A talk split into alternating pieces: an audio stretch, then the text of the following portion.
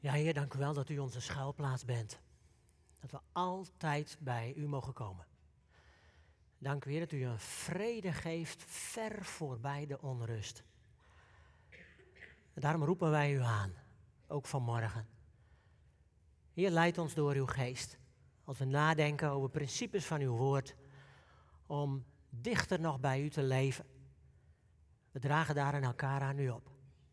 Heer, neem ons maar mee in uw principes, in uw woord, in uw leven. In Jezus' naam. Amen. Vandaag gaan we als gemeente dit jaar op een bijzondere manier aan de Heer opdragen. Vanmiddag hebben we drie uur een tijd van gebed. Ook thuis kunt u bidden en daarin de Heer zoeken. Heel veel gebedspunten kunt u downloaden. We willen elkaar daarin oproepen. Want wat leven we in een onrustige tijd? En wat zal dit jaar brengen? We weten het niet.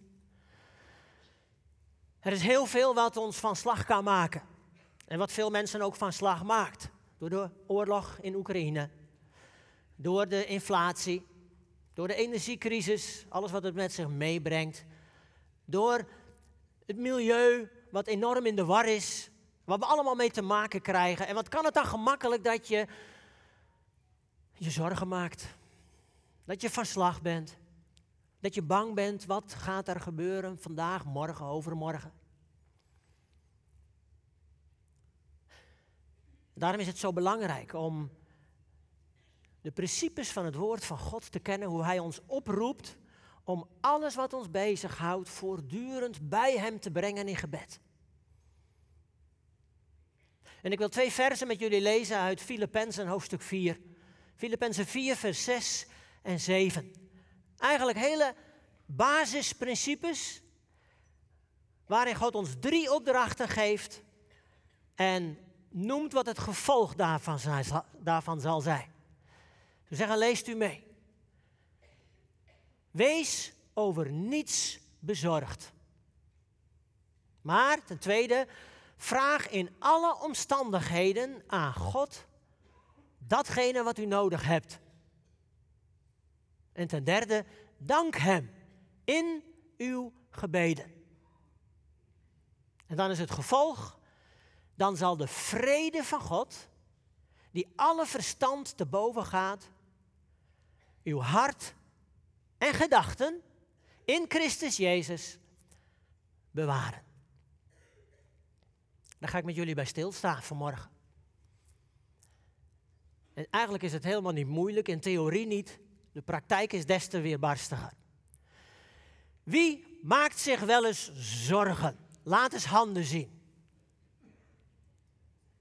Of moet ik vragen wie niet? Dat doen we allemaal toch wel eens? Ja. En dan zegt de Heer heel eenvoudig: wees in niets bezorgd. Dat is een opdracht. Wat is dat je zorgen maken? Je zorgen maken is dat je inzit over iets waar je niets aan kunt veranderen. Dat je daar spanning over ervaart. Dat je bang bent voor zaken waar je eigenlijk helemaal geen invloed op hebt. En het mag duidelijk zijn, dat is verspilde energie. Je kunt er niets mee bereiken. Ja, alleen maar dat je zelf nog onrustiger wordt. Dus zegt de Heer heel eenvoudig: wees in niets bezorgd.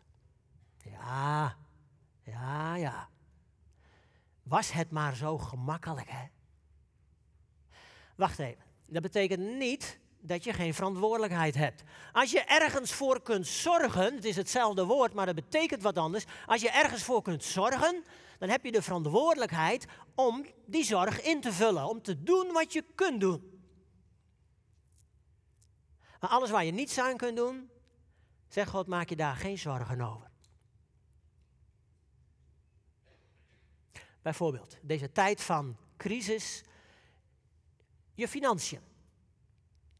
Allemaal hebben we een huishoudbudget, een bedrag wat je kunt besteden, of je nu alleen bent of dat je in een gezin woont, uh, waar inkomsten zijn en uitgaven zijn. En laatste tijd is het voor veel mensen Iets waarover je je zorgen maakt. Red ik het wel dit jaar? Kom ik wel rond? Hoe kan ik mijn tekorten aanvullen? En dat leidt zomaar tot onrust, tot spanning, tot zorg. Vandaar dat er twee kanten aan deze zaak zijn. De Heer zegt: maak je geen zorgen over iets waar je niets aan kunt veranderen. Maar natuurlijk heb je wel de verantwoordelijkheid om op een goede manier met je geld om te gaan. Om inkomsten en uitgaven in balans te laten zijn. Om dan dingen niet te kopen, minder uit te geven, zodat je rond kunt komen. Dat is een verantwoordelijkheid voor ons allemaal. Daar kun je zorg voor dragen. Maar daarbuiten heb je heel veel niet in de hand. En zegt de Heer, maak je daarover dan ook geen zorgen. Nou, in de gemeentefinanciën is het net zo. We hebben de zorg gedeeld met jullie als gemeente, met elkaar. Eind vorig jaar. We hebben gezegd, zoals het nu lijkt, met deze hoge energieprijzen komen we heel veel tekort. Maar we hebben ook gezegd, we willen ons daar geen zorgen over maken. We willen samen de keuze maken om God te vertrouwen. En het aan Hem te geven. Maar dan komt het tweede, dat is de zorg die we samen hebben, de verantwoordelijkheid om te geven. Er is een oproep gedaan, er is heel veel gegeven. Geweldig. Allemaal bedankt daarvoor. En daarin zien we dat God voorziet door onze verantwoordelijkheid heen. Zie je hoe die twee naast elkaar staan? Onze zorg, onze verantwoordelijkheid. Maar ook dat we geen zorgen moeten maken voor dat waar we geen invloed op hebben. En nu is het natuurlijk onze verantwoordelijkheid om het geld goed uit te geven. Voor dit jaar. Je zorgen maken over zaken waar je geen invloed over hebt, is iets wat zomaar gebeurt. De een maakt zich van nature wat meer zorgen dan een ander. Mijn vader en moeder hebben twaalf kinderen gekregen. Eigenlijk dertien, de middelste was doodgeboren. En mijn moeder heeft altijd zorgen gehad over haar kinderen. Ze is al lang bij de Heer, in 2000 is ze gestorven. Maar over al haar kinderen maakte ze zich altijd zorgen. Wat er niet al zou kunnen gebeuren. Aan ongelukken, aan relaties die aan en uit gingen. Kleine kinderen, kleine zorgen, grote kinderen, grote zorgen. En ja, die kinderen kregen allemaal verkering, die trouwden. En daar kwamen dus twaalf kinderen bij. Nog twaalf meer om zich zorgen over te maken. En die kinderen kregen zelf weer kinderen. Nou, op het laatst hadden mijn vader en moeder 45 kleinkinderen ongeveer. En dat waren 45 mensen meer om zich zorgen over te maken. En mijn moeder stroomde altijd over van zorgen. Ze kende de Heer, ze bracht het ook altijd bij de Heer. En ach, ze ging zo gebukt onder de zorgen. Het gaf haar heel veel spanning. En daar kon ze eigenlijk niet mee overweg. Mijn vader was een hele stabiele man, heel gelovige man. En die hielp haar om ook dicht bij de Heer te blijven. Om alle zorgen steeds over te geven aan de Heer. Alleen mijn vader stierf en mijn moeder is 18 jaar weduwvrouw geweest. Ja, haar karakter had ze tegen. Weet u, dat is nou precies de tactiek van de duivel. De duivel wil ons graag steeds weer onrustig maken. Door alle zorgen die op ons pad komen. Die wil ons graag bang maken. Bang maken voor zaken die misschien zouden kunnen komen, maar wel echt helemaal nooit gaan gebeuren. Maar wat heeft hij ons dan al te pakken? Want als je onrustig bent, als je je zorgen maakt, als je bang bent, dan heb je geen vrede in je hart. Wees in niets bezorgd. Ja, hoe doe je dat nou? Nou, daarin is dan Paulus in zijn brief heel eenvoudig. Hij zegt, om je geen zorgen te kunnen maken, moet je twee dingen doen. En het eerste is, bid. Vraag alles wat je nodig hebt aan God. In alle omstandigheden. En BV 21 heeft dat erbij gezet en terecht in alles, in alle omstandigheden. Vraag in alle omstandigheden aan God, want daar hebben we het over, wat je nodig hebt. Wacht even, niet alles wat je wilt hebben, maar alles wat je nodig hebt. Dat is niet altijd hetzelfde. En dat, dat is iets om te leren, elke dag opnieuw. Wat heb ik nodig? God wil voorzien in alles wat we nodig hebben. Hij belooft dat. En we zien dat niet altijd, want we denken heel vaak, ah Heer, dat, dat is nodig. Dan mogen we dat Hem vragen, aan Hem voorleggen. In vertrouwen dat Hij het ook zal geven, dat Hij zal voorzien in alles wat nodig is. Psalm 23, de meeste van jullie kennen het uit het hoofd. De Heer is mijn herder, mij ontbreekt niets. Oh, wacht even, als ik om me heen kijk, ik zie heel veel mensen die ontbreekt eigenlijk heel veel. Die hebben tekort in heel veel. In liefde, in materiële zaken. Er is heel veel armoede. In levensperspectief. Daar vul maar in. Ja, dan zegt Psalm 23, mij ontbreekt niets. Misschien kunnen we dat beter vertalen in, ik heb niets wat ik niet nodig heb. Denk dat je dan dichter zit bij zit bij wat het eigenlijk nu betekent. Ik heb niets wat ik niet nodig heb. Dat klinkt een beetje verwarrend. Ik heb alles wat nodig is. Mij ontbreekt niets. Dank voor alles wat je hebt. Nou, eerst bid. Bid voor alles wat je nodig hebt. God wil voorzien in wat je nodig hebt. Het gebed is iets wat ons gegeven is om alles aan God voor te leggen wat ons bezighoudt. En God is iemand die wil voor ons zorgen. Maar dan vraagt hij wel om ook alles dan aan Hem voor te leggen, aan Hem op te dragen. En de kunst is om het dan ook bij Hem te laten. Om het niet weer terug te nemen. Want we zeggen, Heer, ik heb het nu bij U gebracht en nu is het in Uw handen en ik laat het los zoals u het zult leiden. En ik vertrouw erop dat u geeft wat nodig is. Bid om alles wat je nodig hebt. Deze tekst, Filippenzen 4, vanaf vers 4 tot en met 7, is al 43 jaar lang onze trouwtekst. We hebben zelf gekozen voor deze tekst en wisten eigenlijk niet hoe waar die tekst in ons leven zou zijn. Al vrij snel hebben we de keuze gemaakt dat ik mijn studie theologie voort zou zetten in België. We hebben drie jaar gewoond, maar dat betekende wel dat ik geen studiefinanciering meer kreeg. Dat wil zeggen dat we eigenlijk helemaal geen inkomsten hadden die drie jaar. Dus op dat moment moesten we leren om te vertrouwen dat God zou voorzien in wat we nodig hadden. En daar hebben we het geleerd. Afhankelijkheid.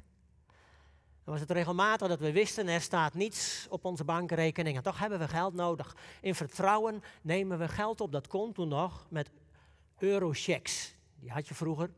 Kon je een bedrag invullen, op postkantoor inleveren en dan kreeg je dat bedrag. En dan werd dat afgeschreven van je rekening. En als je in België woont, dan duurde dat een dag of vijf voordat de afschrift kwam. En keer op keer weer mochten we meemaken dat wanneer het afschrift kwam, dat er weer voldoende opstond. In geloof, in vertrouwen legden we dat steeds aan de Heer voor. En we hebben dat dan geleerd. In onze eerste gemeente, in Franeker, waar ik voorganger mocht zijn, eh, leefden we van een uitkering in het begin. En eh, dat betekende ook dat het geen vetpad was. De eerste tijd we, hadden we geen auto. Moest ik alles op de fiets doen. Was geen probleem. Alleen mijn fiets was zo oud dat hij eigenlijk in kan storten. Dus wij gingen de heren vragen, wilt u voorzien in een fiets? Naar ons idee hadden we dat nodig. Dus dan mochten we erom vragen. Het was onze trouwtekst. Het alleen aan de Heer gevraagd, we hebben de nood niet bekend gemaakt. Twee weken later belde een oude zuster ons uit de gemeente. Ze zei, broeder Fabriek, dan moet je horen, ik heb hier al acht jaar een fiets in de gang staan. De fiets van mijn man die toen is overleden. En eigenlijk staat hij daar als een, als een aandenken aan mijn man, als een soort reliquie. En nu heeft God me op het hart gegeven om die fiets weg te geven. Hebben jullie ook een fiets nodig? Zie je hoe God voorziet? Bijzonder. We zeiden, nou, wat is dit nou bijzonder? God wist het en hij heeft het in het hart van deze oude zuster gegeven. oude degelijke herenfiets. Ik heb er jaren op gefietst. Zoiets eenvoudig zou je kunnen zeggen. Het was nodig en God voorzag. En we hebben dat heel vaak mee mogen maken. Nou is punt, als je God vraagt, steeds vraagt alles wat je nodig hebt, dan kan het heel gemakkelijk zijn dat je voortdurend in beslag genomen wordt door gericht te zijn op dat wat je nodig hebt en niet hebt. Vandaar dat Paulus er een derde opdracht bij geeft. Die derde opdracht is dank in al je gebeden. Dus als je God iets vraagt, vergeet niet om hem dan ook te danken. Waarvoor? Nou, voor alles wat hij geeft. Er is zoveel wat hij geeft waar je voor hem voor kunt danken. Zegeningen waar je bij stil kunt staan. Nou, het allermooiste is natuurlijk dat hij onze zonde vergeven heeft. als je de Heer Jezus kent, dan kun je daar elke dag voor danken. Dat hij voor je zorgt. Dat hij je adem geeft. We ademen elke seconde. En daar staan we meestal niet meer stil, gelukkig niet. Maar het helpt wel eens om even te beseffen, Heer, wat is toch bijzonder dat u mij adem geeft. Dat ik mag leven. En de meesten van ons hebben een dak boven ons hoofd. We hebben elke dag eten op de plank. Mogen we God voor danken dat Hij voorziet in wat nodig is. En er zijn zoveel meer zaken. God zorgt voor ons. Hij houdt van ons. Hij helpt ons dag in dag uit. En weet je, het helpt om daar elke dag voor te danken. Het maakt je een dankbaar mens. Moet je ook vragen aan iemand die heel dicht bij je leeft, die je kent, die, je, die jou dagelijks meemaakt. Vraag maar aan die persoon, vind je dat ik een dankbaar mens ben? Dat is confronterend. Maar het helpt misschien wel om nog dankbaarder te worden dan je al bent. Danken.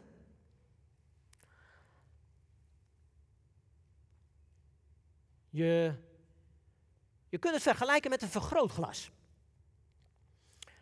Um, als je naar je zorgen kijkt, naar datgene wat je nodig hebt, maar wat je niet hebt, dan lijkt het steeds groter als je aandacht daarop richt. Ik weet niet of je wel eens door een vergrootglas kijkt. Uh, ik vind die kleine lettertjes op, uh, op uh, nou, bij medicijnen of zo, op doosjes soms zo klein. Dan heb ik een vergrootglas, zo'n vergrootglas voor gekocht. En dan helpt dat om het te lezen. Want als je door het vergrootglas kijkt, dan lijken die letters opeens veel groter. En het is gemakkelijker om ze te lezen. Alleen, wat is nu het geheim van een vergrootglas? Niet alleen dat die letters groter worden, maar dat de letters daaromheen, die zie je niet meer. Die vallen weg. En zo is het met problemen ook. Als je voortdurend naar je zorgen, naar je strijd kijkt, dan is het alsof je ze door een vergrootglas ziet en dan lijken ze steeds groter, steeds groter. En wat er omheen ligt, de zegeningen, die zie je dan niet meer. Dus, principe van God, ga God nou ook altijd danken als je hem voorbeden doet. Voor jezelf of voor een ander, ga dan ook daarbij danken. En als je je daarop richt, als je daarmee begint in je gebed, en je eindigt ermee in je gebed, is het net alsof je die zegeningen door een vergrootglas ziet. Dan lijken ze steeds groter en mooier te worden. En wat er omheen ligt, die zorgen, die lijken dan steeds kleiner te worden. Het is natuurlijk niet zo. De werkelijkheid blijft precies hetzelfde. De zegeningen blijven even groot en de zorgen blijven even groot. Maar je blik verandert, je aandacht verandert. Kijk maar naar het gebed wat de Heer Jezus ons geleerd heeft, wat hij aan zijn discipelen voorbad, het Onze Vader. Het Onze Vader begint met je te richten op de Heere God. Uw naam moet geheiligd worden. Uw koninkrijk, het komt. Uw wil, het zal gebeuren in de hemel en op de aarde. Het richt je op God. En dan komen de voorbeden. Geef ons elke dag het eten wat we nodig hebben. Vergeef ons alles wat we verkeerd doen. En leid ons niet in verzoeking. Help ons om sterk te staan als de verleiding komt. Drie basisvoorbeden die we allemaal nodig hebben elke dag. En dan eindigt dat gebed weer met God groot te maken. Want van u is het koninkrijk, is de kracht, is de heerlijkheid tot in eeuwigheid. Zie, dan richt je je weer op God. Daarin heeft de Heer Jezus het principe eigenlijk voor, voorgebeden. Bid om alles wat je nodig hebt, maar dank God ook in alles. In alles. Niet dank om alles, want niet alles is even mooi om voor te danken. Niet alle strijd komt van God, echt niet. God staat er toe, maar het komt niet van Hem. Meestal niet. Maar in alles kunnen we wel God danken. Want Hij is er altijd. En Hij houdt je vast. Je bent geborgen bij Hem, je bent veilig bij Hem. Dat belooft Hij en wat God belooft doet Hij. Dus, drie opdrachten. Wees in niets bezorgd.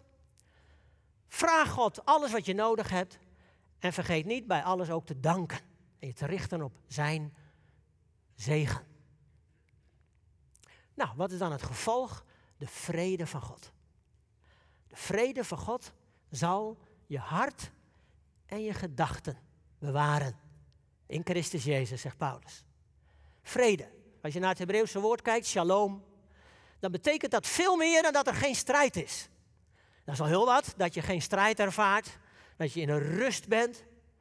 Maar vrede betekent juist dat je heel bent. Dat je hart heel is. Dat je relatie met mensen heel is, niet gebroken. Dat je hart niet in stukken uiteen ligt om alle strijd die je meemaakt, om wat je is aangedaan en noem maar op. Maar dat je hart door God heel gemaakt is. Dat is vrede. Het gaat veel dieper. En die vrede belooft God. Die vrede zal Hij geven. En geeft Hij. En ik weet, velen van jullie kennen die vrede. Alleen hij is zo broos. Hij is zo gemakkelijk weer stuk. Daar dat God zegt, die vrede zal je hart en je gedachten bewaren. Je hart, dat is niet dit kloppend orgaan, dat is bijna altijd in de Bijbel je innerlijke mens, je innerlijke persoonlijkheid. Die vrede van God zal je hart bewaren, je innerlijk, je gevoelens. weet je, als, eh, als het moeilijk gaat, dan zijn die gevoelens juist vaak het eerst van slag, die innerlijke gevoelens, die emoties. Die zal God dan bewaren met zijn vrede, zegt hij. Dat ken je vast wel als er spanning is, dat er uh, moeilijkheden zijn en het wil maar niet veranderen, dan voel je dat in je buik. Je voelt dat de een die, die, uh, die moet snel naar de wc, de ander die kan geen hap door de keel krijgen. En weer iemand anders die gaat juist extra veel eten. Het is allemaal om die gevoelens in de buik, ja, omdat die opspelen. Nou, dat is precies wat God daar bedoelt. De vrede zal je hart bewaren, je innerlijk. En je gedachten. Dat is wat we denken. Dat is ook vaak iets wat op de loop gaat. Als het niet gaat zoals we zouden willen, zoals het zou moeten, als we ermee aan zijn, dan gaan die gedachten op de loop. En die willen van alles bedenken, allemaal gedachten komen naar binnen wat je helemaal niet zelf je had voorgenomen. En ze maken je van slag. Nou, God weet dat, vandaar dat hij juist die twee dingen noemt: je innerlijk en je gedachten. Nou, je kunt ons allemaal in twee groepen verdelen. De ene is een verstandelijk mens en de ander is meer een gevoelsmens. Nou, bij gevoelsmensen is dat gevoel vaak het snelst van slag. Bij verstandelijke mensen je gedachten. Dan beredeneer je vaak de dingen meer. om even te chargeren, 9 van de 10 mannen zijn verstandelijk. 9 van de 10 vrouwen zijn meer gevoelsmensen. Dat is trouwens niet hetzelfde als dat je verstandig bent of gevoelig bent. Dat zijn twee andere dingen. We zijn allemaal gevoelig. Ik hoop ook allemaal verstandig. God helpt ons om juist in die twee gebieden van ons leven niet van slag te raken. Want hij weet dat de Satan ons juist op die twee punten het meest aanvalt. Heel eenvoudig. Maar helemaal niet mooi.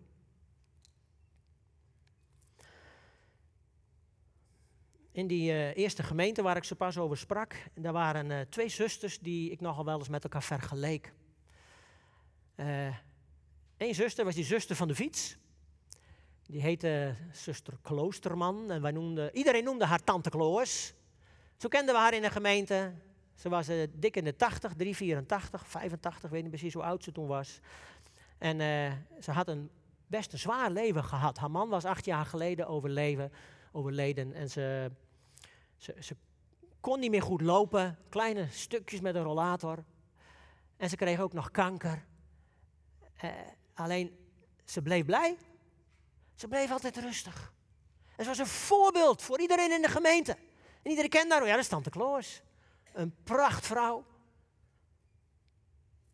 Toen ik haar mocht begraven, toen, ja, toen deelden we het ook met elkaar.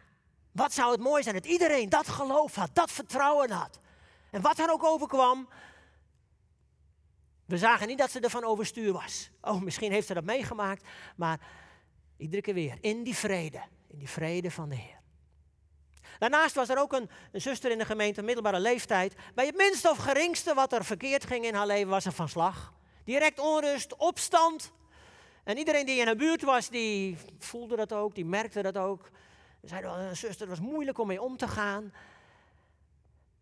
En haar vrede was voortdurend weg.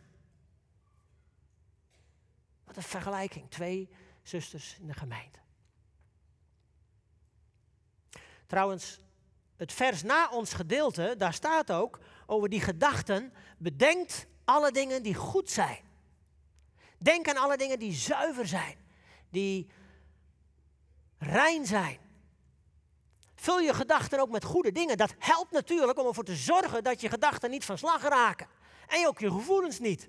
Dus we zijn verantwoordelijk. We kunnen ervoor zorgen dat we als moeilijke gedachten binnenkomen waar we geen raad mee weten, als er onze emoties opspelen, dan kunnen we ervoor zorgen dat we ze bij God brengen. Dat Hij ze kanaliseert, dat we goede gedachten in ons hoofd nemen en daarmee ook onze gedachten kunnen sturen en onze emoties kunnen leiden door de geest. Dat is een opdracht voor ons. Ik had uh, anderhalf week geleden een gesprek met een oude man. Hij wordt over een, een of twee weken wordt hij 88. Een Jood. Hij heeft hartproblemen, het duurt niet lang meer. En heeft mij gevraagd of ik zijn begrafenis wil leiden.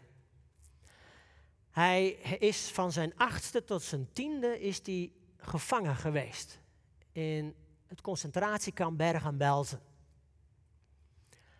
En dat heeft hem natuurlijk zijn leven lang achtervolgd. Maar hij heeft de Heer Jezus leren kennen.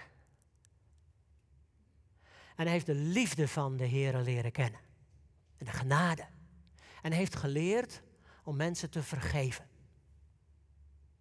Hij heeft de keus gemaakt, al lang geleden, om alle Duitsers te vergeven. En toen hij zijn baan opzij, omdat hij het niet eens was met, uh, met zaken die hij voor moest lezen in het nieuws, toen, uh, toen zijn ze een pension begonnen, hij en zijn vrouw. En toen mocht hij allemaal mensen ontvangen, mochten ze mensen ook helpen, waaronder ook heel veel Duitsers die kwamen. En hij hielp ze, hij zegende ze. Dit kan alleen maar God doen in het hart van de mens. Wat bijzonder. Hij was ook altijd blijmoedig. Is altijd blijmoedig.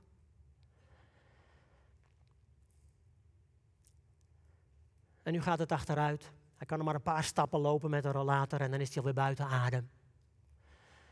En het zal niet zo lang meer duren dat hij hier nog op aarde is. 3 december, een maand geleden, is hij voor het eerst sinds zijn gevangenschap weer in Bergen-Belsen geweest. Hij is niet verder gekomen dan de informatieruimte. En daar zat hij op een stoel. Ik heb de foto gezien met een stralend gezicht. Natuurlijk met alle herinneringen die naar boven kwamen. Maar hij wist, ik ben meer dan overwinnaar in de Heer Jezus. En van het kamp is niet veel meer over, het is natuur. En hij zat te genieten van de natuur. Daar. Zegt, daarin is God. Wat een fantastisch voorbeeld. Hij is vol humor. En hij ziet er naar uit om naar de Heer te gaan. En zijn begrafenis zal een feest worden.